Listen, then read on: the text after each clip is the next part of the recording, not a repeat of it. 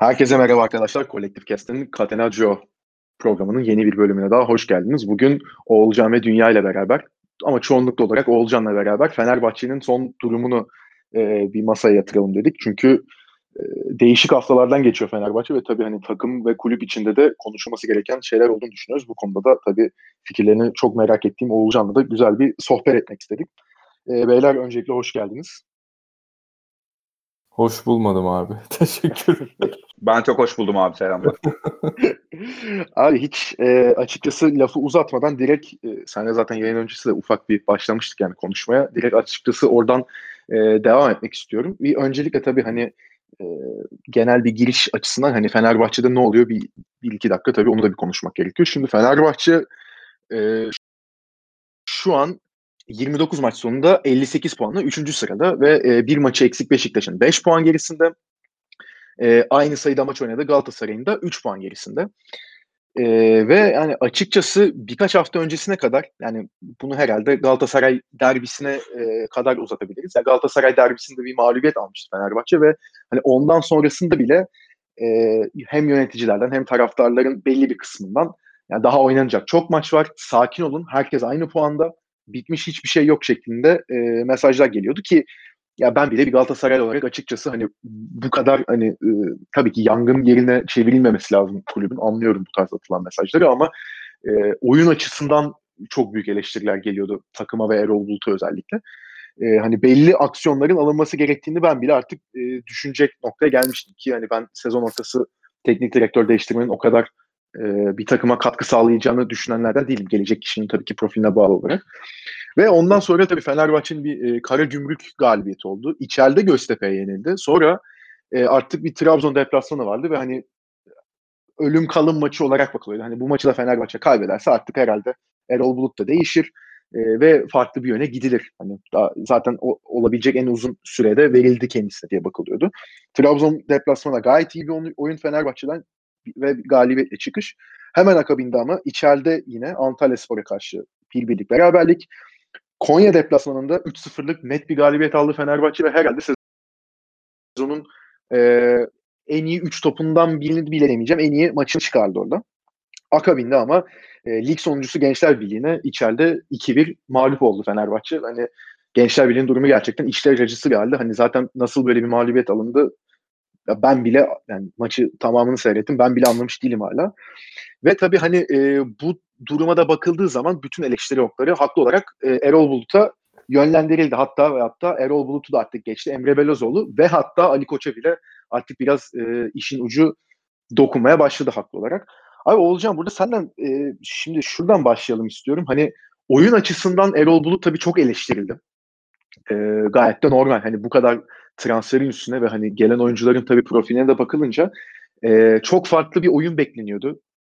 Normal olarak taraftar tarafından hani Fenerbahçe'nin şaşalı futbol oynaması istenir. No, yani bu üç büyüklerin hepsi için geçerli tabii.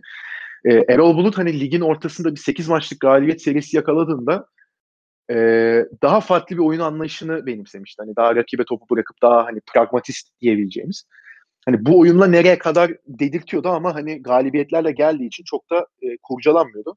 Ama hani özellikle iç sahada tarihin en kötü sezonunu geçiren bir Fenerbahçe'de varken hele hele dün de hani saha içinde bir üçlüye dönme çabasını gördük. Hiç olmadı. Daha da kötü oldu hatta işler. Yani Erol Bulut neyi yanlış yapıyordan çok hani e, artık bu saatten sonra ne gibi şeyler değişebilir Fenerbahçe'de ve hani bir numaralı sorumlu sence de Erol Bulut mu yoksa hani Emre Belezoğlu ve Ali Koç da işin içine katılmadı mı? Direkt istiyorsan buralardan başlayalım. Ee, bir noktaya kadar ana sorumlu Erol Bulut'tu. Ama bir noktadan sonra iş aksiyon alma noktasına geldiği zaman bu ilk olarak sportif direktörü sonrasında da başkanı alakadar eden bir durum. Fenerbahçe bu sezon antrenörünü değiştirebilmek için 3 tane tren kaçırdı. Bunlardan bir tanesi Yeni Malatya Spor maçıydı içerideki. Belki de en büyük Galyana ilk olarak gelinen maçtı o. İkincisi rezalet bir Başakşehir'e kupada elenilen maçtı. Ne kadar 10 kişi kalınmış olsa da o maçta Erol Hoca'nın suyunu iyice ısıtan maçlardan biri oldu ve son olarak da Göztepe maçı. Şimdi bu üç tane tren vardı. Şimdi bir takımın antrenörü herhangi bir takımın antrenörü dünyada her performans çok iyi olmak zorunda değil.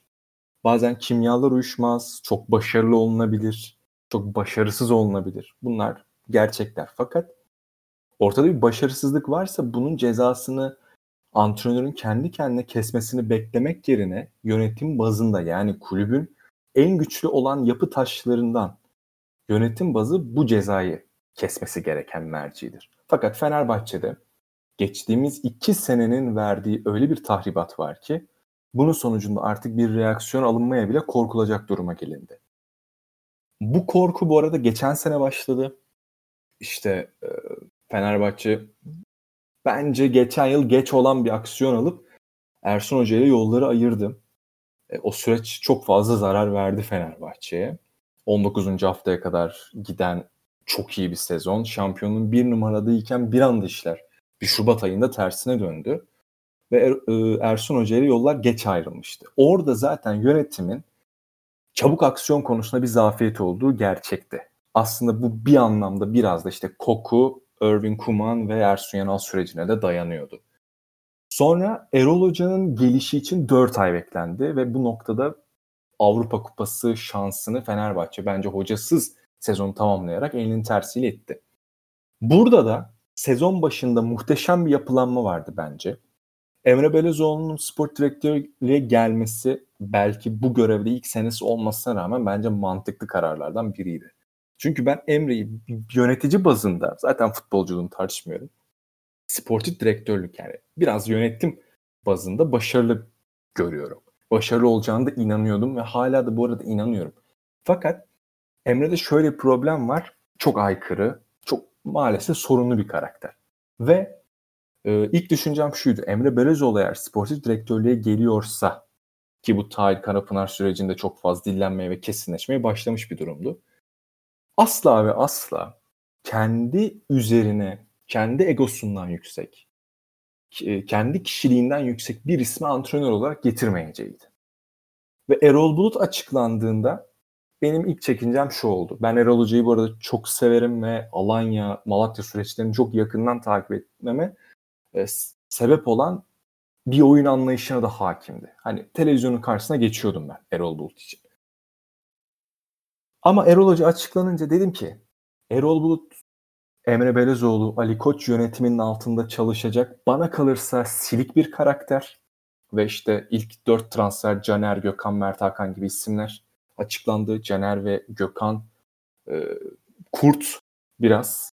Mert Hakan o önünde kayma olayından dolayı hocayla mimli olan bir isim. Sinan Gümüşler geldi vesaire. İşte Tisserantlar hep böyle ülkelerinde ya da eski takımlarına takım kaptanlığı yapmış. Çok fazla böyle lider vasfı üzerinde olan oyuncuların siz yanına kurtların arasında bir koyun getirdiniz. Bu kurtlar sadece oyuncular değil, Aynı zamanda da Emre Belezoğlu. Aynı zamanda Selçuk Şahin. Aynı zamanda Volkan Ballı. Aynı zamanda Volkan Demirel. Ve bir noktadan sonra zaten Anadolu takımı dışında bir tecrübesi olmayan daha çok kendisine önlem alınmasını değil başkasına önlem almayı ilke edinmiş bir antrenörü 7 yıldır şampiyonu kasteti çeken bir takımın başına getirdiğinizde olası bir kötü gidişte zaten psikolojisi yerle bir olan, asla ve asla mantıklı düşünemeyen, çoğunluklu bir Fenerbahçe taraftarına böyle bir yapılanma koyduğunuzda sizin yıkımınız, sizin kötü gittiğinizde kalacak olan enkaz diğer tüm camialarınkinden çok daha büyük olacaktı. Bu sürecin ilk minik bir kıvılcımı Şükrü Saraçoğlu'nda 9 kişi kalan Hatay maçıyla başladı. Korkunç bir oyun vardı o gün.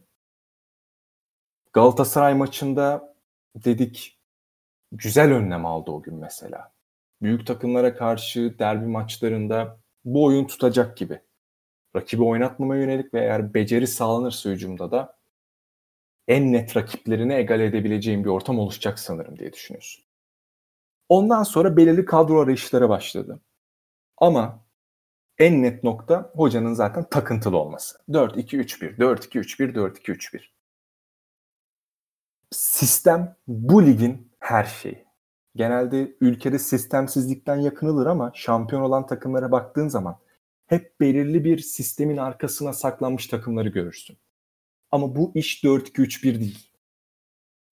Bu iş gerçekten taraftarın beklediği gibi daha çok rakibinin üzerine gittiğin bir iş. Bu karşında ligin 15.si olduğunda ona önlem alacağın bir iş değil. Kendini önlem aldıracağın bir iş. Bu iş Şükrü Saraçoğlu'nu yol geçen hanına çevirmek değil, Şükrü Saraçoğlu'na geldiğinde rakiplerini titreteceğin, daha stada girdiğinde titreteceğin bir iş. Ama statiklik, takıntılık, geri hat ve ileri hatla sürekli oynamak. Fenerbahçe bu sezon 5 farklı stoper tandemi denedi. Bir anda Gökhan'ı kestin, Nazım'ı koydun. Nazım iyi gidiyordu, Gökhan'ı tekrar koydun. Novak'ı küstürdün. Sosa'yı küstürdün. Sinan Gümüş'ü Ferdi'nin önüne yazdı. Forvet'te bir Samat'ta oynadı, bir Tiam oynadı, bir Valencia oynadı. Sağ kanatta X, Y, Z oynadı. Ligin en iyi 10 numarası haftalarca sol kanat oynadı. Peki bunun sorumlusu kim? Bu transfer ettiğin oyuncular sezon başında yani sezon başında 18 transferdi. 18 oyuncu geldikleri takımlarda toplam 73 gol katkısı yapmış bir topluluk geldi senin eline. Fakat o kadar statik ve takıntılısın ki elindeki en önemli asetleri, en önemli değerleri yerle bir etti. Bugün en fazla bonservis bağladığın adam senin sportif direktörünün dost meclisinde 30 gol atacak santrafor getiriyorum dediği Samat da bugün taraftarın forvet rotasyonunda Popisisse'nin arkasına bile yazdığı bir isim haline dönüştü. Beşiktaş ve Trabzonspor'a müthiş faydalar sağlamış. Beşiktaş'ı belki de Mario Gomez'le beraber şampiyon yapan adam Sosa'yı, Trabzon'un Sörloth ve Vakayeme ile Trabzonspor gibi camiayı şampiyonluk ihtimali yaratan Sosa'yı son 3 haftaya kadar Türk futbol tarihinde kullanamayan tek takım olarak neredeyse tarihe geçiyordu. Sana İrfan Can alındı devre arasında. Zalai alındı. Osay Samuel alındı. Sen sezon başı sana mikrofon uzatıldığında nasıl bir sistem hayal ediyorsunuz? Sizin anlayışınız nedir dendiğinde ben geride 500 pas yapmanın bir işime yaradığını inanmıyorum. Ben topu hızlıca alıp rakipten alıp olabildiğince hızlı kaleye gitmek istiyorum. Anlayışına sahip bir antrenör olduğunu dile getirdin. Ama Fenerbahçe ilk 10 hafta dışında, ilk 10 hafta hariç rakibine basan değil, ligin 18. takım bile Saraçoğlu'na geldiğinde kalecisi dahil 11 kişi geride bekleyen bir takım haline büründü. Ve sen baskı yaptığın maçlarda dahi o topu aldığında taraftarın ekran başında uyutacak kadar temposuz bir oyun sergiledin. Bu sezon 30 maçın 29 maçın geçtiği bu sezonda benim çok iyi oyun diye sayabileceğim iki buçuk maç var. Konya Spor ilk yarısı, içerideki Trabzonspor ikinci yarısı, Alanya Spor maçı taktik anlamda muhteşem bir maçtı. Bir de pardon e, geçen haftalarda oynanan Trabzon deplasman maçı 90'lık. Üç buçuk maç. Kayseri maçını falan saymıyorum. Elindeki kadroyla Kayseri 3 atman güzel bir şey olabilir ama bir meziyet değil. Sen farkını yaratamadın. Sen 25. hafta ya da 23. hafta mı neydi? Sportif direktörün ekran çık dedi ki hocamız da oynattı oyundan memnun değil. Sen nasıl kendi oynattığın oyundan memnun olabilirsin? O zaman benim burada aklıma dört soru geliyor. Bir, becerili değilsin taktik anlamda. Ve kendinden bile memnun ol, memnun değilsin. İki, o zaman oyuncularına laf geçiremiyorsun çünkü memnun olmadığın oyun yaklaşık 20 haftadan fazla sürdü. 3. Tamam oyuncularına da laf geçiriyorsun. Bir şeyler yapmayı amaçlıyorsun. Ama o zaman antrenmanların yetersiz. Çünkü oyuncuların aktardığın şeyi sahaya yansıtamıyorlar. Dörtte ne biliyor musun Can ve Dünya? Dörtte o zaman antrenmanda da yaptırıyorsun. Oyuncuların da anlattığını inanıyorsun. Kendi oyununa da inanıyorsun. Dört o zaman bu adamlar seni değil başka birini dinliyorlar. İşte ona geliyor iş zaten yani bence de günün sonunda. Ki özellikle burada ben, hani böyle çok ufak dilerim, abi. Yani çok ufak burada şey gireceğim hani bu e, son dediğin noktanın da önemli olduğunu düşünüyorum çünkü e, Trabzon maçından sonra özellikle hani bir şey muhabbeti de dolandı. E, Erol Bulut'un kendisi de dedi bunu yanlış hatırlamıyorsam maç sonrası. Hani bu kadroyu biz beraber yaptık. Şimdi tabii ki bir teknik direktör tek başına çalışacak diye bir şey yok. Yanında zaten hani bu yüzden e, kurmayları diyebileceğin yardımcılar oluyor.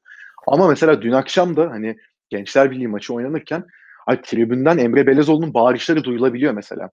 Şimdi bu hani e, şey açısından da sıkıntılı. Tabii ki teknik direktör e, bir futbol takımının tek yani ve mutlak hakim olmak zorunda değil. Tabii ki başkanın, işte varsa sportif direktörün, varsa yardımcıların hani bunlar tabii ki belli noktalarda e, işin içine müdahale olabilir. Bunda bir sıkıntı yok. Ama ve lakin hani bir maç sırasında sportif direktör tribünden sahaya işte şu, Mert oğlum şuraya bassana şeklinde e, bir serzenişte bulunuyorsa Mert veya Gökhan Gönül tam hatırlamıyorum. Şimdi bu hoş bir şey değil. Hani burada e, şimdi Erol Bulut'un tabii ki çok fazla taktiksel açıdan özellikle suçlanacak noktası olduğunu düşünüyorum ben ama genel hani yapıya baktığın zaman da mesela sen e, konuşmanın başında şey dedin hani e, burada ağırlığı olan çok fazla isim var hani kurtların arasına kuzuyu attın şeklinde. Abi Samandıra'ya baktığın zaman da şimdi Emre Belezoğlu, Volkan Demirel, Volkan Ballı 3 isimde zaten bir kere e, Erol Bulut'un direkt önündeler. E, kağıt üstünde baktığın zaman Gökhan Gönül ile Caner zaten hani Gökhan Gönül özellikle. Şahin de var abi. Selçuk Şahin de var. Bak tabii daha ona gelmedim. Hani Gökhan Gönül ile Caner zaten çok alfa karakterler ve hani bu kulüpte de çok uzun süre geçirmiş insanlar. E, her şeyi geçtim zaten başkan çok ayrı bir noktada. Hani burada mesela hani Beşiktaş'la Galatasaray'la kıyaslama yaptığın zaman abi Galatasaray'ın starı zaten ne zaman oradaysa Fatih Terim'dir.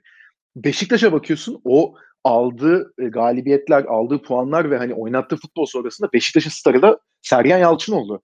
Yani Sergen Yalçın bir numara orada şu an. Hani başkan tabii ki belli şeyleri yapıyor da başkanın futbolla alakalı mesela bir müdahil olduğunu veya şunu bunu görmüyorsun. Mustafa Cengiz zaten geç önde. Ona, o konuya girmeyeceğiz. Dünyayla zaten yeterince girdik de. Hani karşında böyle karşındaki iki rakibinde böyle star iki isim varken Erol Bulut Samandıra'da sözü geçen ilk beş isim arasında bile değil belki de. Ya bu bence e, zaten bir şeylerin yanlış gittiğini hani tamamen taktiksel e, sıkıntıların dışında konuşuyorum. Onun zaten bir göstergesi. Dünya ben senin lafını bölmüştüm. Sen de söyle abi. Abi ben konuya iki farklı boyuttan yaklaşacağım. Ben sadece zaten iki farklı boyuttan yaklaşıp Oğulcan'ı dinlemek için burada buraya gelmiştim. Ee, Oğulcan'ın söylediği şey de aslında benim yaklaşacağım taraf da çok benzişiyor. Ee, bir önceki ve teknik taktik konuştuğumuz Galatasaray yayını dinleyenler bilir. Senle dakikalar boyunca Galatasaray'da bu şeyi saymıştık. Ee, ilk 11'de ne kadar faz, farklı sistemlerle, farklı oyuncularla sahaya çıktığımızı ve bu oyuncuların oynadıkları mevkilerle ne kadar uyuşmadığını ve bunun üzerine ne kadar gidildiğini e, dile getirmiştik. E, fakat burada Galatasaray ve Fenerbahçe arasında ben şöyle bir farklılık görüyorum. Fenerbahçe'nin mevcut oyuncu kadrosundaki bence en büyük teknik direktör challenge'ı şuydu. Elinde bu kadar fazla iyi oyuncu varken bu oyuncuların hemen hepsini bir sezon içerisinde her ne kadar daha fazla maç olursa olsun memnun etmekle bu oyuncuları motive etmekle bu oyuncuları küstürmek arasında çok ince bir çizgi var. Ben Fatih Terim'in Galatasaray'ın başında ya da Sergen Yalçın'ın Beşiktaş baş, Beşiktaş'ın başında diyeyim. Hadi Sergen Yalçın'ın bir tık daha kadrosu sınırlı olduğu için özellikle ara transfer döneminden sonra Galatasaray'daki Fatih Terim döneminden örnek vereyim. Ee, bu dönemde ben her ne kadar oyuncular oynamasa bile e, Emre Kılıç'ın Emre Kılıç'ın 5 maç kesildiğinden bahsetmiştik mesela ya da Taylan Antalya'nın Kasımpaşa maçından sonra 4 maç oynamadığından bahsetmiştik.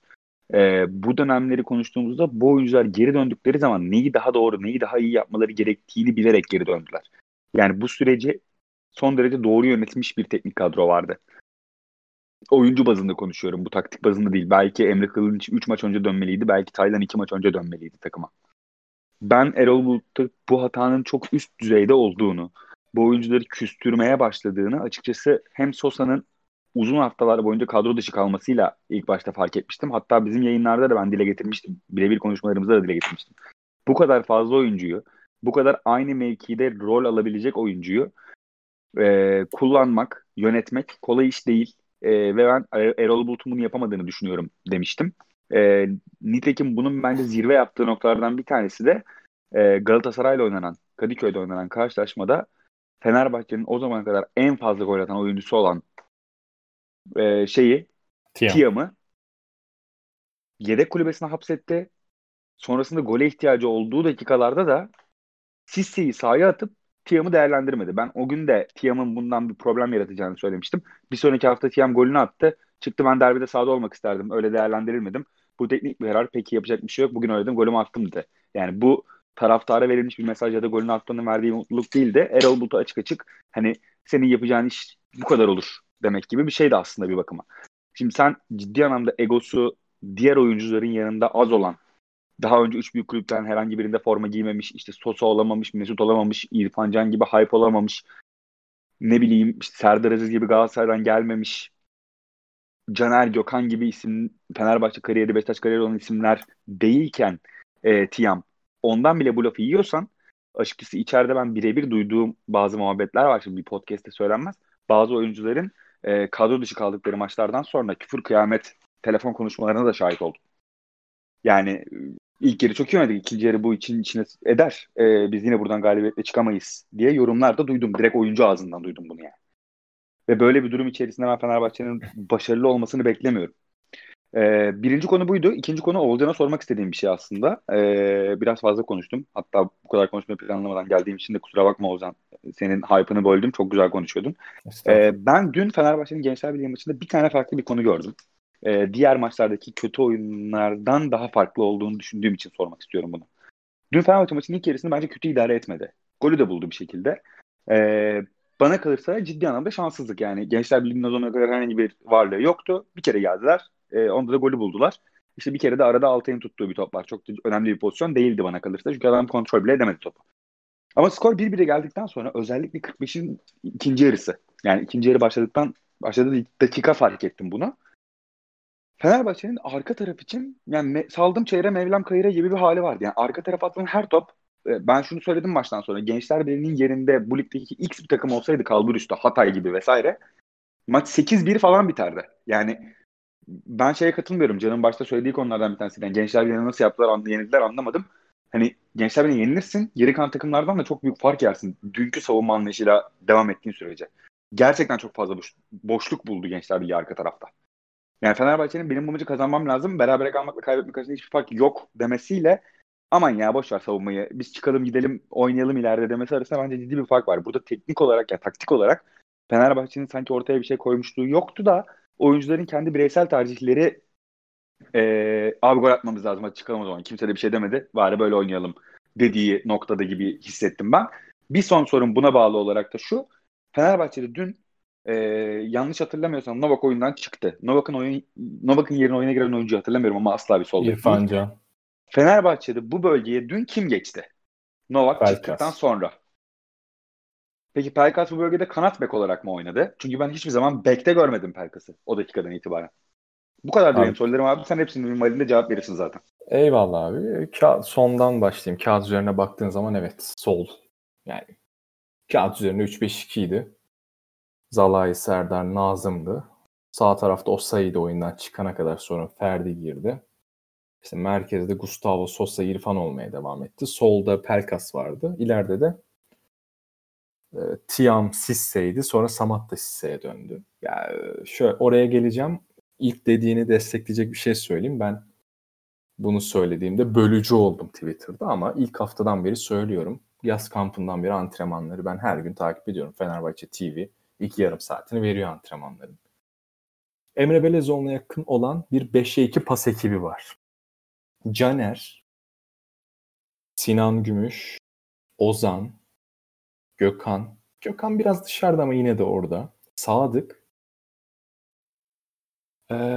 Mert Hakan. Ve son dönemde Mesut bile oraya dahil oldu İrfan'la beraber. Böyle bir ekip var. Bunların sağ içinde birbirlerine olan tavırlarıyla başka yabancı futbolcu olan tavırları bambaşka. Bunun en net örneği ve ilk yazdığım günde şuydu. Gaziantep'teki 3 birlik mağlubiyet. O gün Mert Hakan bu arkadaşlarından bu 5'e 2 pas çalışması yaptığı o ekipleri, spor direktör mevkisine de yakın olan ekiplerinden bir oyuncunun kendisine yanlış pas atması sonucu top taca gitti ve döndü arkadaşını alkışladı.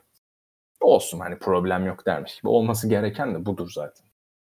Bundan tam 5 dakika sonra kendisine pası yanlış atan oyuncu sanıyorum Gustavo'ydu yanlış hatırlamıyorsam. Yanlışsa kusura bakmasınlar. Herhangi bir yabancı oyuncuydu.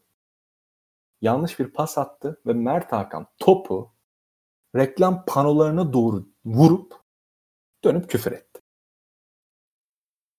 İnanmayan ya da atıyorsun diyen olursa da e, Bean Connect'e girer ve Gaziantep maçını izler. Maçın ikinci yarısıydı. E, Gaziantep kameraya göre sağ taraftaki kaleye hücum ediyordu. Topu vurduğu yerde kalenin sağ tarafında kalan korner bayrağının orasıydı. Buna kadar söyleyeyim. Zaten oyuncu grubun içinde de problemler olduğu bence çok bariz. O ilişkilerden bariz, yakın olanlar, uzak olanlardan bariz. Sağ içinde bir şey daha söyleyip biraz da sağ dışına gideceğim. Sağ içinde de ayrıca Erol Bulut tamam kadroyu yaparsın. 4-2-3-1 tamam ona da saygı duyalım. Bir planında olabilir.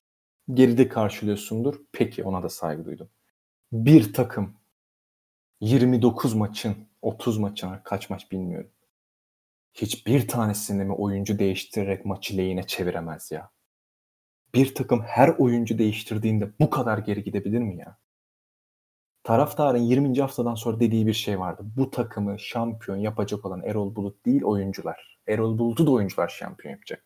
Erol Hoca da sanıyorum ki bunu düşünerek random öyle öylesine bakıyor yedek kulübesine en kaliteli 5 oyuncu hangisi? Onları sahaya atıyor ve attıktan sonra kim nerede oynuyor? Hiçbir fikri yok. Dün İrfan Can oyuna giriyor. En son işte Pelkas gelmediği için haklı olarak. Kendisi bir on numara çünkü. İrfan sol bekte adam kovalıyordu. İrfan sonra sağ kanada gitti. Samat da sol kanada geldi. Pelkas ortaya geçti. Nazım gitti. Ferdi sola geldi. Sağa geçti. Her maç böyle. Değişen tek maç Şükrü Saraçoğlu'ndaki Trabzonspor maçının ikinci yarısı. Bu kadar kötü oyun okunmaz. Hadi sende problem var yardımcıların ne işe yarıyor? Ya Mehmet Aurelio antrenmanlarda 5'e 2 pas çalışmasına girme görevi olan bir antrenörüm ya. Bir şeyleri değiştirmeyecek mi senin bakış açını falan? Hı? Taktik anlamda hiç mi bir şey vermeyecek sana yardımcıları? Sadece futbolcu eskileri olduğu için mi orada duracaklar? Ya da bu kadar eğitimsiz olmak zorundalar mı? Bu korkunç bir şey yani. Peki bu konuda şeye suç buluyor musun?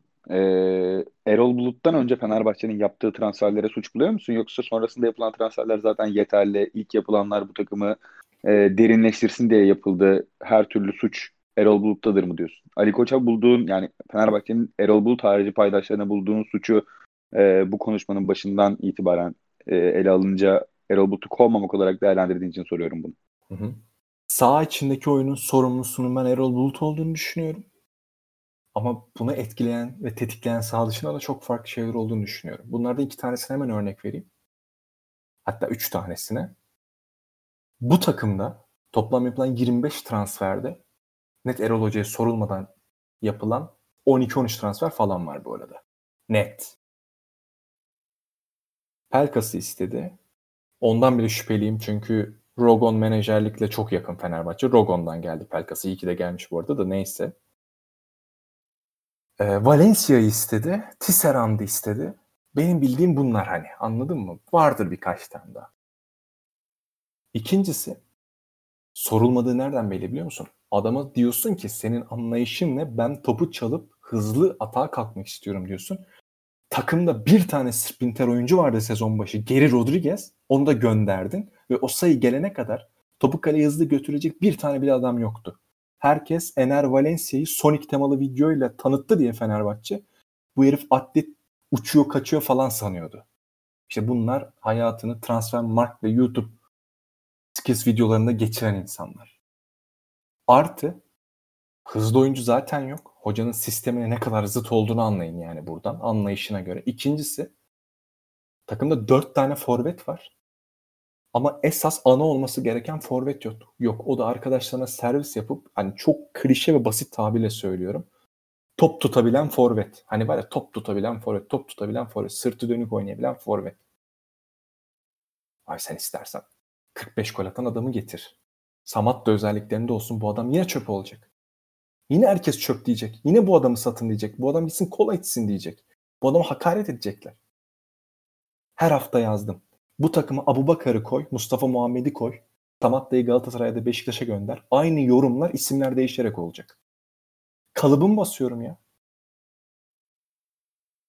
Siz Samatta'yı göklere çıkaracaksınız Galatasaray taraftarı olarak. Beşiktaş'a ise Beşiktaşlar çıkaracak. Yani şimdi Larin'e 27 gol katkısı veren isim Samatta olmuş olacaktı. Fenerbahçe'yi Abu Bakar'ı koysam, Mustafa Muhammed'i de koysam şu an 4 golle devam ediyordu. Buna ben de katılıyorum ya. Bunu e, Artı, özellikle isim değişikliği konusunda abi hani e, çok ufak burada şey yapayım sözünü bitirmeden de e, hani sistem olursa abi sonuçta bir sistem oyuncuyu yukarı da çeker, aşağıda çekiyor ama işte. Hani sistemsizlik de oyuncuyu aşağı çekiyor. Ben bu dediğine o yüzden çok katılıyorum. Hani özellikle mesela hani sene başında gelen transferler için yapılan yorumları düşün. En en, en basitinden şey diyeceğim abi. Mert Hakan e, iki maç iyi oynadı tamam ama yani 29 haftanın ikisinde abi beklenen seviyenin de o da hani yakınında oynadı tam olarak beklenen geçen seneki seviyesinde de değil yani. Ama hani Mert Hakan için sene başı bu orta sahanın işte dinamiklik katacak bu orta sahaya ileriye top taşıyabilen bir oyuncu hani zaten geçen seneden biliyoruz hani Fatih Terim'in zaten çok istediği bir oyuncu ki hani ben Galatasaray'da da oynamasını isterdim. Ama hani baktığın zaman abi bu adam mesela işte Emre Kılınç da Galatasaray'a geldi. Ve Emre Kılınç kanattı. O şu an bir 8 numaraya evrildi neredeyse. Şimdi mesela onların da ikisinin yerini değişti. Muhtemelen şu an Mert Hakan için ya nereden nereye geldi diye konuşulacaktı. Emre Kılınç için de ya Anadolu kanadı işte yani ne bekleniyordu ki noktasına gelecekti. Bu forvet konularında da aynı şekilde. Hani sistemsizlik öyle bir artık işlemiş ki için içine. Oyuncuları hakikaten aşağı çekiyor ve Mert Hakan için hani yeni Alper Potu oldu Fenerbahçe'nin dendi neredeyse ilk yarım sonunda. Evet. Yani bu hani teknik kadronun bence en çok eleştirilmesi gereken nokta budur. Hani maç kazanmak, kaybetmek, iyi futbol oynamak, oynayamamak bunlar çok farklı parametrelerle ölçülecek şey ama sistemin olmaması abi oyunculara hani Samatta'ya çöp deniyor abi. Samatta'yı Galatasaray istedi. İstedi yani. Hani Samatta şu an Galatasaray'da olsa tamam belki yine 4 gol atacaktı ama ki ben hiç zannetmiyorum. Daha farklı bir şeyler mutlaka gösterecekti. Çünkü belli bir sistemin içine oturacaktı. Bence hani dediğim gibi puan durumundan, oynanan futboldan çok bu sistemsizlik çok büyük e, sıkıntı Fenerbahçe için. Ben bunun oyuncuyu da aşağıya çektiğini düşünüyorum. Kesinlikle. Sadece kesinlikle. performansı olarak değil, psikolojik olarak. Yani mental açıdan da tabii canım. Tabii düşün yani şimdi benzeri pozisyonları kendinizi düşünün. Kendi işaretinizde. Ben bunu Galatasaray'dan da verdim zaman zaman örnek. Yani biri var etrafınızda ve sizi o işi nasıl yapmanız gerektiği doğrultusunda asla yönlendirmiyor. Sizden istediği şeyi tam olarak dile getiremiyor. Ve işler kötü gittiği zaman direkt suçlunun siz olduğunu söylüyor. Şimdi bu noktada siz ne kadar kendinizi koruyabilirsiniz, ne kadar kendi kalitenize güvenmeye devam edebilirsiniz, ne kadar kendi kalitenizi ortaya koyabilirsiniz. Ki bu onu aşıp gidebileceğiniz başka bir nokta olmadığı bir nokta olduğunu düşündüğümüz zaman bunun e, çok daha kritik bir önem taşıyor. Yani ben Samat'tan Erol Bulut'u aşıp Emre Belözoğlu'na gidip abi beni istediğim yerde oynatmıyor. Ben istediğimi elde edemiyorum ve istediğimi elde edemediğim için de bunun suçlusu ben oluyorum dese Emre Belözoğlu büyük ihtimalle diyecek ki hadi oğlum işine bak boş ver. Yani bunun çözümünün olmadığı bir ortamda ben Samatta'nın zorunlu satın alması olmasa büyük ihtimalle sezon bitse de gitsem diye yalvardığını falan düşünüyorum kendi içinden. Kesinlikle. Abi ayrıca e, kadro ile alakalı ben bir şey söyleyeyim. Kadro benim gördüğüm Fenerbahçe tarihindeki en geniş kadro. Ama en kaliteli kadro değil. Nitelikle niceliğin aynı şey olmadığını insanların acilen ayırması gerekiyor. Bu kadro 22 ta yani 22 net oyuncuyla 2 tane 11 çıkaracak bir takım net. Ve ikisinin de iyi bir antrenörle şampiyonluğa oynayacağına adım gibi eminim. Yani abi dün yedekten Samatta, Sisse, Ferdi, Caner, Nazım, Nazım. Harun Tekin var hani kaleci olarak baktığında. Tisserand. Ramos, Tisserand. Ya bu Mesut kadroda yok onu Mesut düşün. kadroda yok. Evet. Valencia yok. Valencia cezalı tabii. Abi. Ama işte bu en geniş demek en kaliteli anlamına gelmez. Ben Apia Aurelio, Alex Anelka, Tuncay Nobre izledim. Mesela. Ayrıca sağ içi de bir yere kadar. Her mağlubiyette çıkıp sağ içi dışında her şeyi konuşmaya gerek yok yönetici bazında. Taraftarlar da sürekli sosyal medyada bizim bu işi federasyon bazında halletmemiz lazım. Federasyona yakın birilerinin yönetimi almalıyım mantığından çıkması lazım. Yani ben Dortmund başkanının ligi kazanmak için federasyona yakın birilerinin yönetimi almalıyım diye düşündüğünü düşünmüyorum mesela. Tek derdi sağ içidir bence. Ya sağ dışına Abi, takılmaktan bu- lig gitti. Kimse farkında değil. Çok pardon. Ya Mesut Özil Antalyaspor maçına yerde kıvranırken yanında sadece Sosa vardı. Sağ içinin farkındalar mı? Hakikaten ya onu ben de onu her- ben de fark ettim. Her fırsatta Türkiye'nin en büyük sivil toplum örgütü dediğiniz Fenerbahçe Hande Sümertaş Beyin hakem derken sezona havlu attı. 114 yıllık kulüp bireylere kafayı takmaktan futbol şubesinde aksiyon alamadı. Hani zamanında sağ içinde silindir gibi ezerdi. Her şeyin cevabını sağ içinde verirdi yani. Çıkıp konuşmaya bile gerek kalmazdı. Buna ben de katılıyorum abi bu arada ya. Mesela hani Erol Bulut'un özellikle bu Bean konusunda hani bir Güntekin Onay'la da bir polemiği oldu. Orada mesela ondan sonrasında bile ki bu arada ben biraz şeyi de fark etmeye başlıyorum artık. Dün akşamdan sonra Fenerbahçe taraftarının bile çoğunun artık illallah demiş. Yani yeter abi saha içinde hiçbir şey yok diye. Ve hani mesela senin dediğine o yüzden çok da katılıyorum. Hani sahada abi mesela o Güntekin Onay'la polemiği olduğu maç hangisi de hatırlamıyorum. Antalya maçı veya ondan işte Göztepe maçı. O maçta abi 3-4 tane atarsın. Karşı takımı silersin sağdan. Ondan sonra çıkarsın yayına dersin ki biz yendik çok da iyi oynadık. Hadi iyi akşamlar deyip gidersin. Mesajı çok daha iyi iletmiş olursun bence öyle. Abicim çok daha acı konular var. Bak 7 sezondur Ben iki tane örnek vermek istiyorum bundan sonra olacağım izninle. Tamam. Sen Yedi de sezondur- devam et. istiyorsan. kollandığın iddia ediliyor tamam mı? Rakip taraftarlardan. Ya bu arada ben buna katılmıyorum. Yani siz de öyle düşünüyor olabilirsiniz. Herkes rakibiyle alakalı düşünebilir. Fark etmez ama 7 sezondur kollandığın iddia ediliyor. Müzene teneke bile girmemiş bir futbol takımısın. Tamam mı? Hatta ben kendime dal geçiyorum. İşte Fenerbahçe son şampiyon olduğunda üniversiteye bile girmemiştim. Ee, Türkiye Kupası'na da sanıyorum lise 1'de falandı. Sen bu savunmayı yapıyorsun. Ya ben kollansam 7 senedir şampiyon olurum diye. Adam sen ne? Sen işte o kadar kötüsün diye dalga geçiyor. Bak kollanmana rağmen kazanamamışsın diye. 25 milyon taraftarınla bence 2011'de iyi bir mesaj verdin. Rezil bir örgütü yıktın. Ama sağ içinde tek yumrukla knockout olacak konuma geldin. Yürürken bile sekmesine sebep olacak diz sorunları yaşayan adam Abu Bakar doğru sistem olduğunda bireysel yeteneklerini de birleştirince ligi dağıtıp gidiyor. Sen hala sorunu Samat'la Abu Bakar karşılaştırmasını aramaya devam ediyorsun. Ve çok daha acısını biliyor musun? Yöneticisinden taraftarına en büyük düşmanın olarak gördüğüm bir birey var. Rakipte. Fatih Terim. 3 yıldır kaçacak diye dal geçtiğin adam hala yerinde duruyor. Sen bugün 6. antrenörünü de kaybetmek üzeresin. Daha ne kadar küçük düşebilirsin ki? Daha Galatasaray psikozunu nasıl açıklayabilirsin? Kendi kulübüne bak ya. Bak. Ben de hakemlerden memnun değilim. Ben de federasyondan memnun değilim. Ben de Fenerbahçe'nin birçok maçta hakkını yendiğini düşünüyorum. Ben de belirli örgü, bu örgütün sadece futbolda değil, birçok yerde hala olduğuna inanıyorum. Ama ne yap biliyor musun?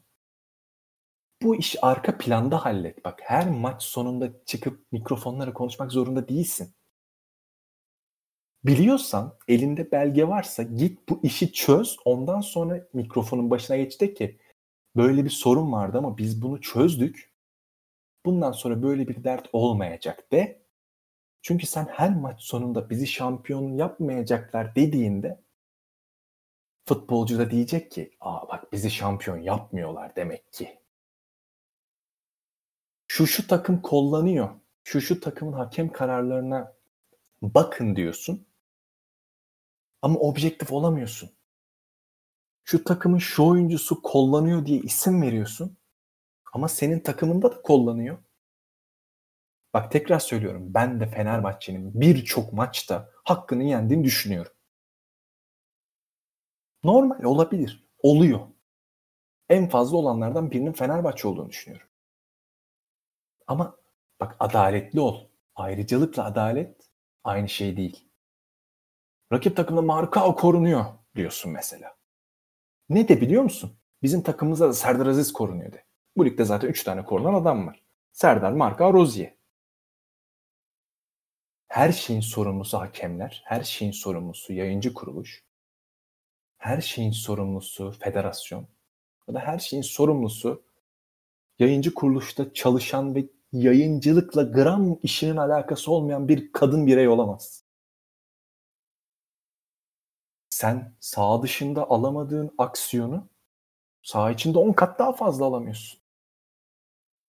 Hande Sümertaş'ı görevinden etmeye çalışacağına hocanı 20. hafta gönderseydin bugün belki de birinci sendin.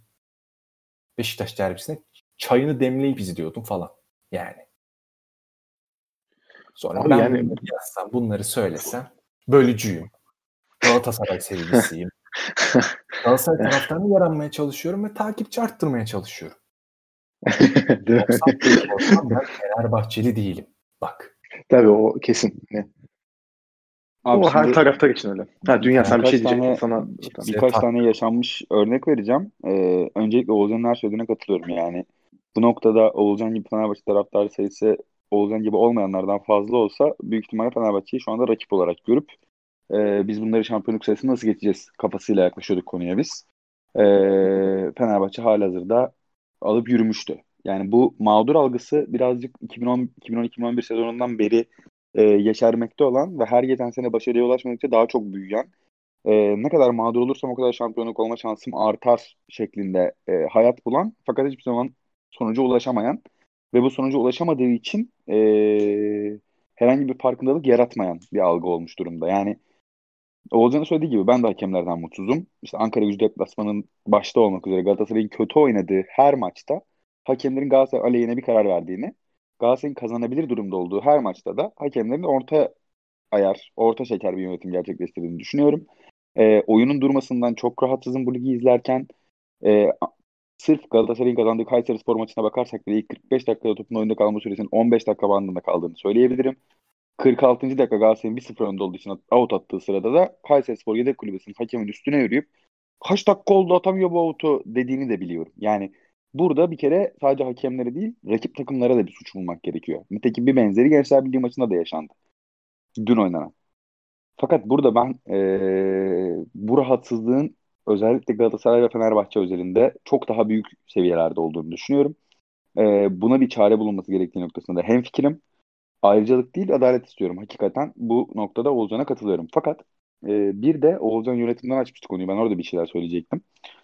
Bir kulüp başkanının özellikle Fenerbahçe gibi bir kulüp başkanının bir maçta sinirlendiği bir pozisyon sonrası reklam panolarına vuran bir oyuncusuna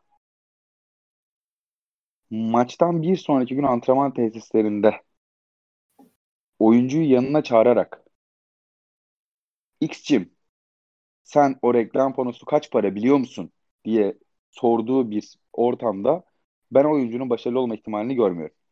Şimdi daha büyük konuyu söylüyorum.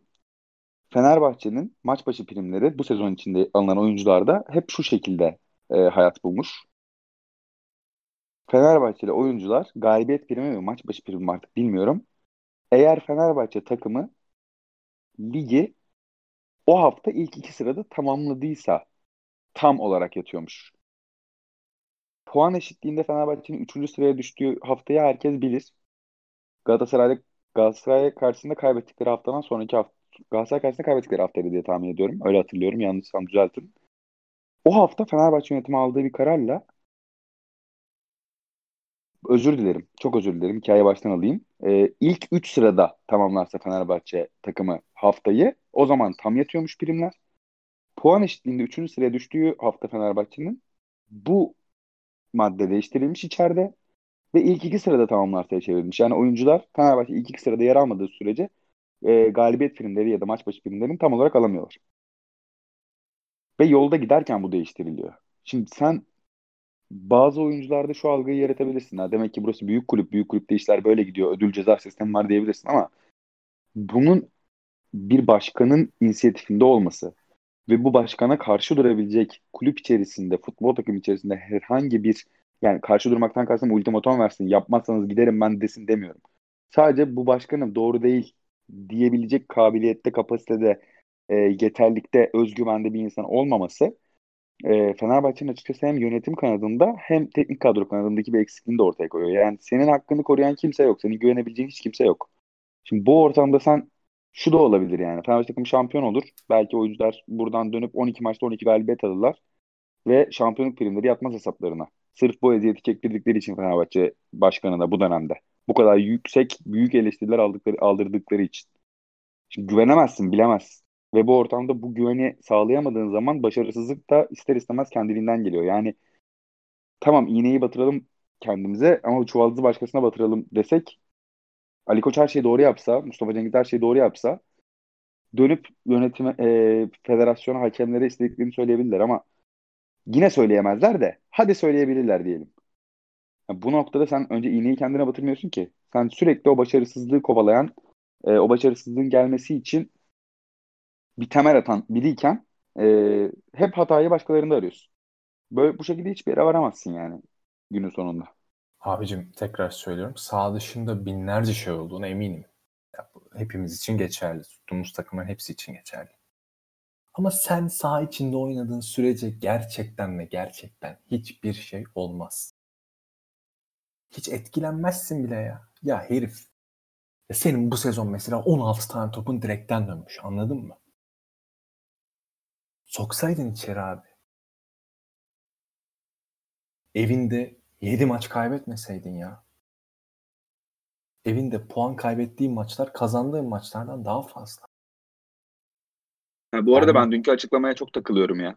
De, deplasmanda rekor kırıyoruz ama içeride de rekor kırıyoruz. Tersten diye gülerek bir açıklama yapamaz Fenerbahçe takımın teknik direktörü ona, kaybettiği maçtan. Ona, ona hiç girmek istemiyorum. Yani gerek yok bunun üzerine konuşmama. Yani abi yönetim bazından yani duygusal bir yönetim bazı var.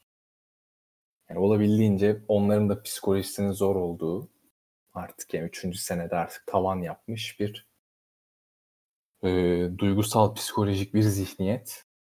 Çoğu zaman da ya maddi anlamda zaten bunu söylemeye gerek yok. İnanılmaz işler yapmış. Hatta bence yani bu sezon başında da özellikle futbol branşı için elinden gelenin de fazlasını yapmış ama sezon içerisindeki aksiyon noktasında çok zayıf kalmış. Ee, bunu hakaret anlamında söylemiyorum. Yani korkak bir zihniyet. Korkmak da şu işte dedim ya başında. Önceki senelerde ya antrenör değiştik, küme düşme, altıncılık, yedincilik bilmem ne muhabbeti yüzünden şu an anlamayan bir aksiyon var. Artı e, seçme hikaye var. Erol Bulut ve Emre Belezoğlu'ya da sözleşmeler bir yıllık yapıldı. Sezon sonunda seçim olduğu için. Hani hiçbir antrenörü atıyorum başkan değişecek diyelim böyle 3 senelik falan bağlayamıyor Fenerbahçe. Bugün bir antrenör değiştirmek istese ilk önce 2 aylık falan sözleşme sunacak yani. O yüzden böyle 11 maçlığına kabul eden falan biri lazım büyük ihtimal. Yani anladım. Tamamen şu an aklıma geldiğini söylüyorum. Atıyorum Sarri'yi mi getirmek istedim? belki başkan değişecek abi bilemezsin ve o başkan Sarri ile çalışmak istemeyecek. O yüzden bağlayamıyorsun da. Zaten o yüzden ismi geçen adam Doğum oluyor direkt. Çünkü sen Doğum abi ne olur 3 maç gel be desen gelecek adam yani. Hakikaten İstanbul fotoğrafı paylaşmaktan zaten benden Abicim, daha çok İstanbul fotoğrafı olabilir. O kadar kötü durumdasın ki 6 yani. yıldır takım çalıştırmayan evet. bir adamı istiyor taraftarın ya. Abi bununla alakalı benim de çok ufak bir sorun var. Ee, zaten hani bir, e, saha şeydi yani saha kısmını zaten yeterince konuştuk. Biraz da çünkü hani yönetim ve Emre Belezoğlu odağında da bir bir şey sorup zaten ondan sonra kaparız yavaştan. Yani bu e, geçen yanlış hatırlamıyorsam Göztepe maçından sonra Ekşi Sözlük'te e, bir Fenerbahçe taraftarı bayağı uzun bir şey yazmıştı. Zaten o da açık önümde. Hani bayağı da beğenilmiş anladığım kadarıyla paylaşılmıştı da çünkü. Ya özellikle bu e, teknik kadro tarafında e, senin de zaten e, hani kattığın e, arada bahsettiğim bir durum yani bu.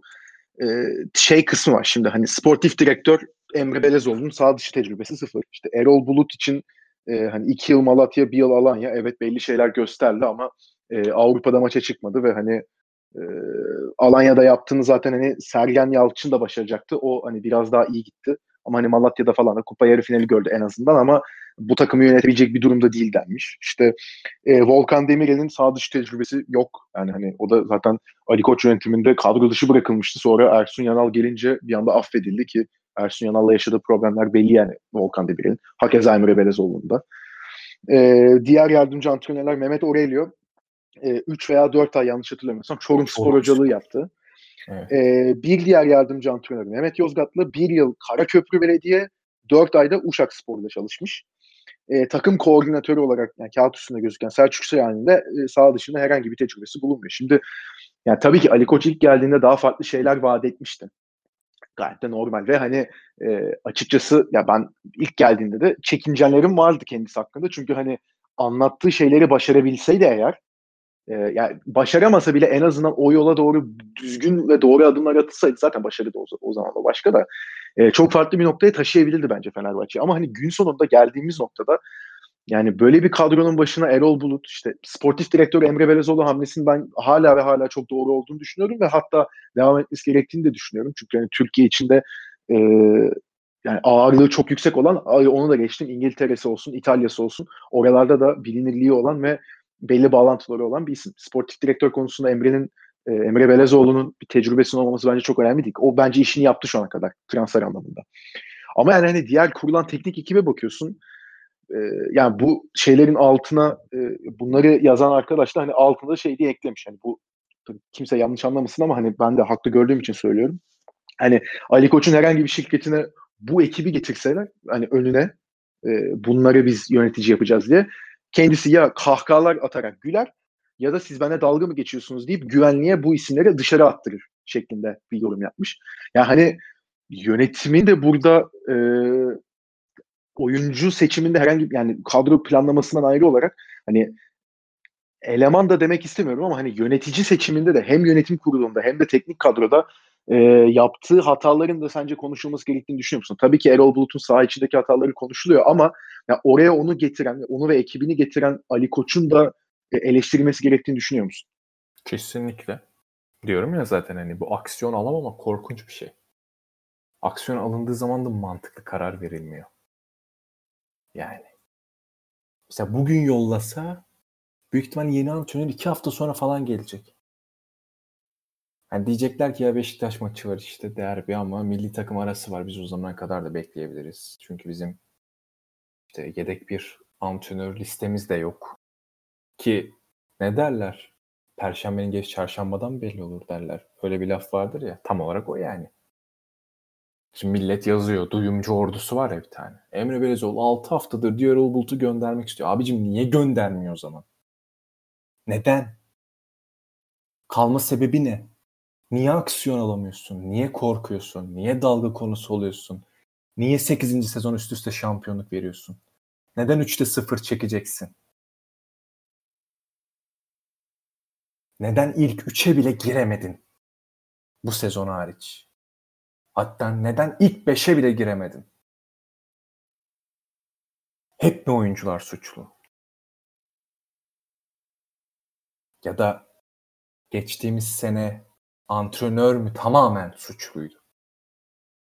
Hiç mi hata yok yani ya? Hep konuşmanın aslında belirli anlarında destekledim. Aksiyon alamıyorlar dedim. Ve sağ içi dışında her yerde sorun aranıyor.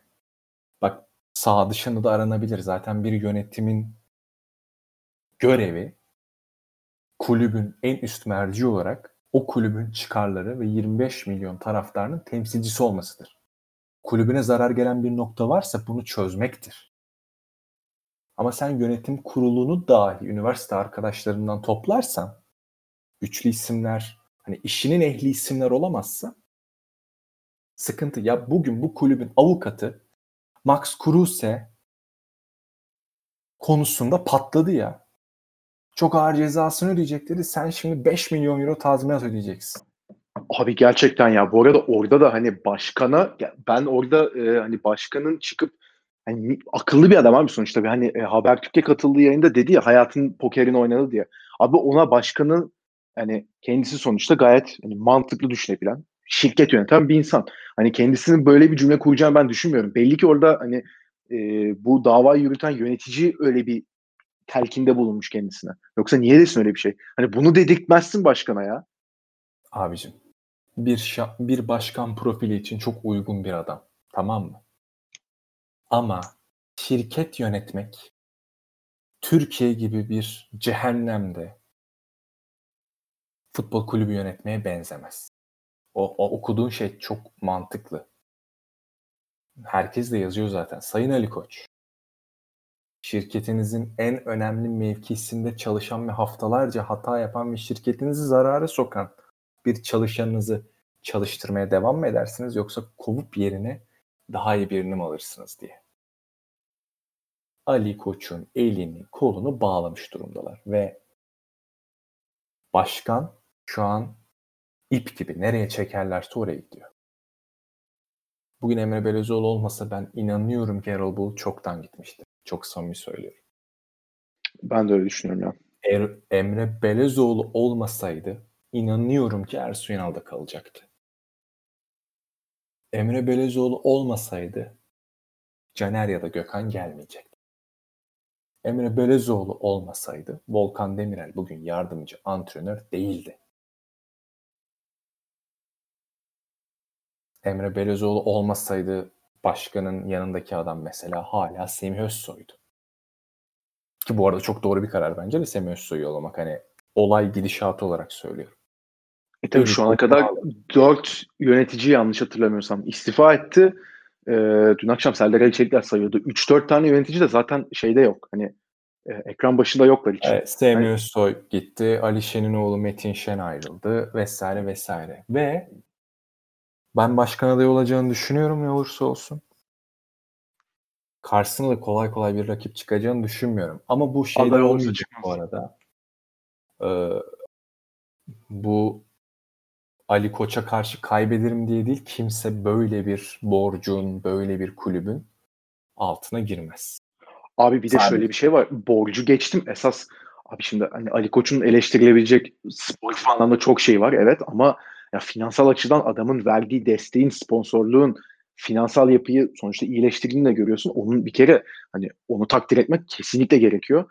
Ve hani böyle bir durumda bu kadar sponsorluk da yapmışken kendisi de böyle bir finansal destek sağlıyorken abi öyle bir biri yok ya zaten Türkiye'de öyle bir insan yok başka çıkabilecek. Kendi de demişti bana iki dönem lazım diye zaten evet, ama evet, ilk, evet. ilk döneminin böyle geçeceğinden haberi yoktu. Bak şimdi şeyler dolaşıyor kuliste.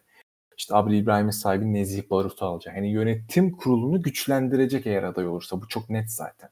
Mehmet Ali Aydınlar da alacak bu arada. Ama benim evet. benim düşüncem şu. Ali Koç başkan adayı olmaz ise %100 Mehmet Ali Aydınlar başkan adayı olacak. Yani. Benim düşüncem bu. Yönetim yönetim tarafı sıkıntılı. Sport direktör mevkii aslında çok iyi biri bence. Yani spor direktör anlamında bağlantıları kuvvetli. Türk futbolunda saygınlığı olan, Avrupa'da saygınlığı olan, belirli bir La Liga, e, Inter, İtalya, İngiltere bağlantıları olan yani bilindik bir isim. UEFA kupası olan, Dünya kupası üçüncülüğünde var olan vesaire vesaire. Ama adam saha içine karışmaktan kendini alamadığı için antipatikleşiyor. Ve insanlar da direkt olarak diyor ki Emre Belezoğlu kesin saha içine karışıyordur. Bu işler böyle. Teknik ekip sıkıntılı. Oyuncu grubu bir miktar sıkıntılı ama onları kurtluktan kuzuluğa çevirecek bir antrenör olsaydı durum böyle olmazdı. Fenerbahçe ya. bu cehennemden nasıl çıkar bilmiyorum. Şampiyon olur mu bilmiyorum. İmkansıza yakın. Şu an bir reaksiyon alsalar ne olur? Soru işareti. Ki yani, geç kalındı bence yani. Bugün Guardiola'yı da getir Guardiola'yı da getirsen bu arada bu ligde 10'da 10 yapmak çok zor. Ee, bence sağ içi sağ dışı işlerle uğraşmaya devam etsinler. Bunu laf sokmak anlamında söylemiyorum. Madem bu kadar dile getiriliyor en azından bari sağ dışına Fenerbahçe geleceği için bir şeyleri başarsın. Sağ içi zaten gitti çünkü. Son kez tekrar ediyorum. Kişilerle kafayı bozmaktan Fenerbahçe sağ içini, saygınlığını Şükrü Saraçoğlu gibi bir kalitesini, kalesini kaybetti. Bundan sonrası ne olur bilmiyorum. Yani bence olması gerekenden biraz da hafif geçirdim gibi bu programı ama bence ilerleyen haftalarda söylemediğimde yani söylememek zorunda olduğum bir sürü içimde şey var ama iyi olduğunu düşünüyorum zaten ilerleyen haftalarda. Avrupa kupaları gidince bir daha program yaparız. Abi yok zaten geçen hafta dünyayla da konuşuyorduk bir hani bu işti güçtü yoğundu sınavdı derken hani hakikaten ihmal ettik buraya da ben de hani bir geri dönüş yapmak istiyorum zaten. Ya evet. bundan sonra biraz da artık haftalık baza yine oturturuz umarım.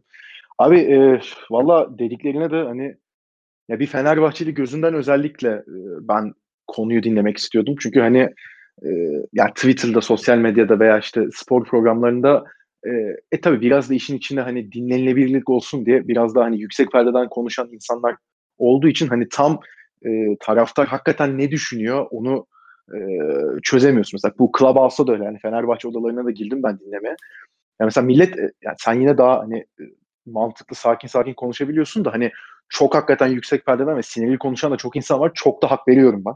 Yani aynı durumda biz biz çok daha küçük şeylerde çok daha ses çıkartan bir e, taraftar profili zaten Galatasaray olarak da hani ya bir de işte senden bunları dinlemek istiyordum. Valla iyi oldu açıdan ama hani buradan sonra o senin dediğin hani yayın başında da demiştim zaten hani yayına girmeden. Sen bile hani bu noktaya geldiysen e, hani şampiyonluk açısından veya hani takımın gidişatı açısından yani bu umutsuzluk sende bile varsa artık hani hakikaten yani bir şeylerin hakikaten e, iyi gitmediğinin hiç iyi gitmediğinin hatta bir göstergesidir benim gözümde.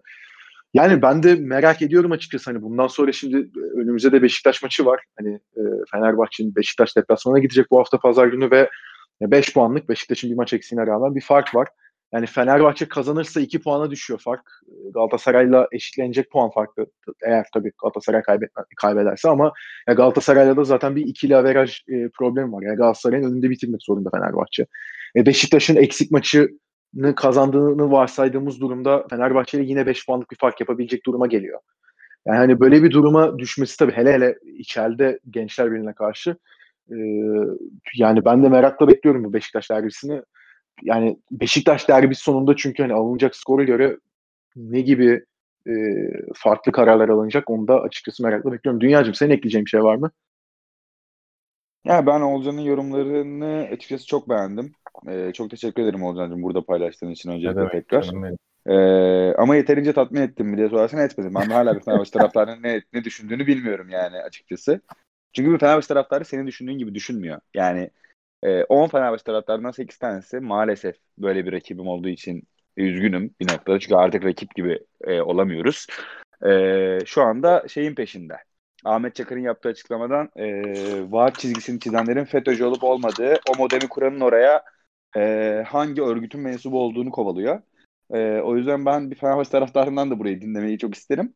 E, şaka bir yana gerçekten hani aklı başına bir Fenerbahçeli olarak burada yaptığın yorumlar benim çok hoşuma gitti. Son derece doğru, öz eleştirel yaklaştın konuya.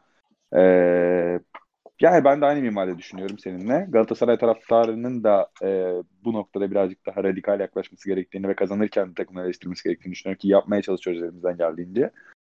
E, bu şekilde benim ekleyeceğim bir şey yok. Ağzınıza sağlık. Ağzına sağlık özellikle olacağım. Biz daha soru cevap geçirdik. Çok teşekkür ederiz. Ben teşekkür ederim beyler. Arttıralım, şey, devam edelim. Bu arada Aynen. çok pardon. Ben de size tam siz kendiniz yapıyor olabilirsiniz ama ben de size Galatasaray'la alakalı sorular sormak istiyorum açıkçası. Tabii tabii tabii ki tabii ki. Abi o geçen haftaki biraz şeydi ya. Çok anlık ikisi de yani çok anlık abi hadi bir geçireceğiz deyip yani tamamen e, nasıl diyeyim hani çok spontan yaptığımız şeylerle haftaya zaten yine bu derbi sonrasında bu sefer iki takımı konuştuğumuz bir üçlü yayın yaparız yine. Bu sefer tabii senin soruların varsa tabii ki biz de alırız yani. yani işte bakalım yani zaten bu hafta herhalde artık e, biraz da hani ligin son 10 işte 9-10 haftasına girilirken e, nasıl bir hal alacağı da belli olacak maç sonrası. Biz de hani dünyada bence katılıyordur. E, bu haftayı ben açıkçası Crash dinleyerek geçireceğim. E, umarım hani hafta sonunda pazar günü güzel bir sonuç alır e, Fenerbahçe'miz deyip Olcan ben, ben, ben alarmımı şey yaptım. Mazinde bir tarih yatar ya. Yaşa Fenerbahçe. ee, yani ben de açıkçası işte Kırac'ın o 100. yıl marşını dinleyeceğim bütün hafta. Mecbur. Beyler yine renkten renge soktuk helal olsun. Abi bu, ya tam bu kalemon olacağımız haftaları da geldik. Hiç de sevmem yani ama bu hafta. Bir tane video seyrettim. Çocuğun biri duvardan duvara atıyor kendine. Arkadaşı şey diyor. Ne yapıyorsun oğlum sen Galatasaray değil misin diyor. Yok bu hafta Fenerbahçeliyim ısınma yapıyorum diyor herif de. ya tam olarak öyleyiz biz de sanırım ben şu an. Hani ya her hafta işte bir Başakşehirli olundu. İşte Fenerli olunacak. Sonra alan Kasımpaşalı olacağız bir. Yani böyle bir... Oğuzhan'cığım gel beraber seyredelim. Cumartesi günü Cigoladalı bazda söyleyeceğim eve. Büyük. Me- Mezut, Samat'la Belgaz hep beraber. İnşallah. Yani. Bakalım. Abi bu arada e, son kapamadan Mesut demişken abi Mesut'un oynamaması üstünden de çok böyle şey yapıldı. Çok kısa bir iki cümle şey alacağım. Yani hani Mesut hakkında ne düşünüyorsun? Mesut'un oynadığı dönemde performansı beklediğimden daha iyiydi. Çünkü çok yüksek bir şey beklemiyordum. Ama e, en azından bu sezon anlamında çok bir umudum yoktu. Doğal olarak böyle bir hayalin gerçekleşmesi muazzam bir şey ve ben katkı vereceğine inanıyorum yani inanan kesimdenim. Ee, ama tabii duygusallıktan kimsenin çoğu kişinin ben mantıklı düşündüğünü sanmıyorum ama sakatlanması bir anlamda maalesef sakatlanması hayırlı bile oldu ki Pelkas'ı merkezde kullanabiliyor Fenerbahçe. Aa, pardon abi kullanamıyor özür dilerim. Yani, Sol kanat olarak kullanıyor ama en azından kağıt üzerinde bu avantajlı bir durum. En azından Trabzon maçında sonrasında Trabzon maçı Mesut çıkınca falan işte Tabii, Konya, Konya maçında falan. Bunun ekmeğini yedik. Evet. Ee, ama seneye herhalde esas. Ben Mesut'un katkı vereceğini düşünüyorum. Çünkü bu lig aynı zamanda korkunç kötü bir yer olduğu için hani Mesut da şeylerden biri bence. Kramponunu koysan oynar topçular. Abi şöyle diyeyim e, göt göbek Snyder son sezonunda 5 gol 17 asist yaptı. Hani ve şeydi hani hafta sonu Ibiza'da açtığı bara gidiyordu. hani öyle diyeyim. Yani. Evet, öyle bildik ama Mesut'un gelmesi güzel yani. Ne olursa olsun güzel. Sadece sadece değil sağ dışında da çok önemli bir şey bence. Ben marka değerine biraz takık bir insanım. Gelir vesaire. Onun anlamda Yo, evet, doğru. güzel bir isim. iyi bir transfer. İnşallah seneye çok iyi olur. Bunu da merakla bekliyoruz. O zaman beyler tekrar ikinizin de ağzına sağlık. Böyle bir Fenerbahçe değerlendirmesi de yapmış olduk. Ee, bundan sonraki haftalarda da dediğim gibi zaten daha e, bir belli bir rutine oturtacağız artık. Hani ligin de sonlarına yaklaşmışken biz de konuşmayı seviyoruz zaten. Siz de bizi dinlemeye devam edin. Hoşçakalın. Hoşçakalın. Hoşçakalın.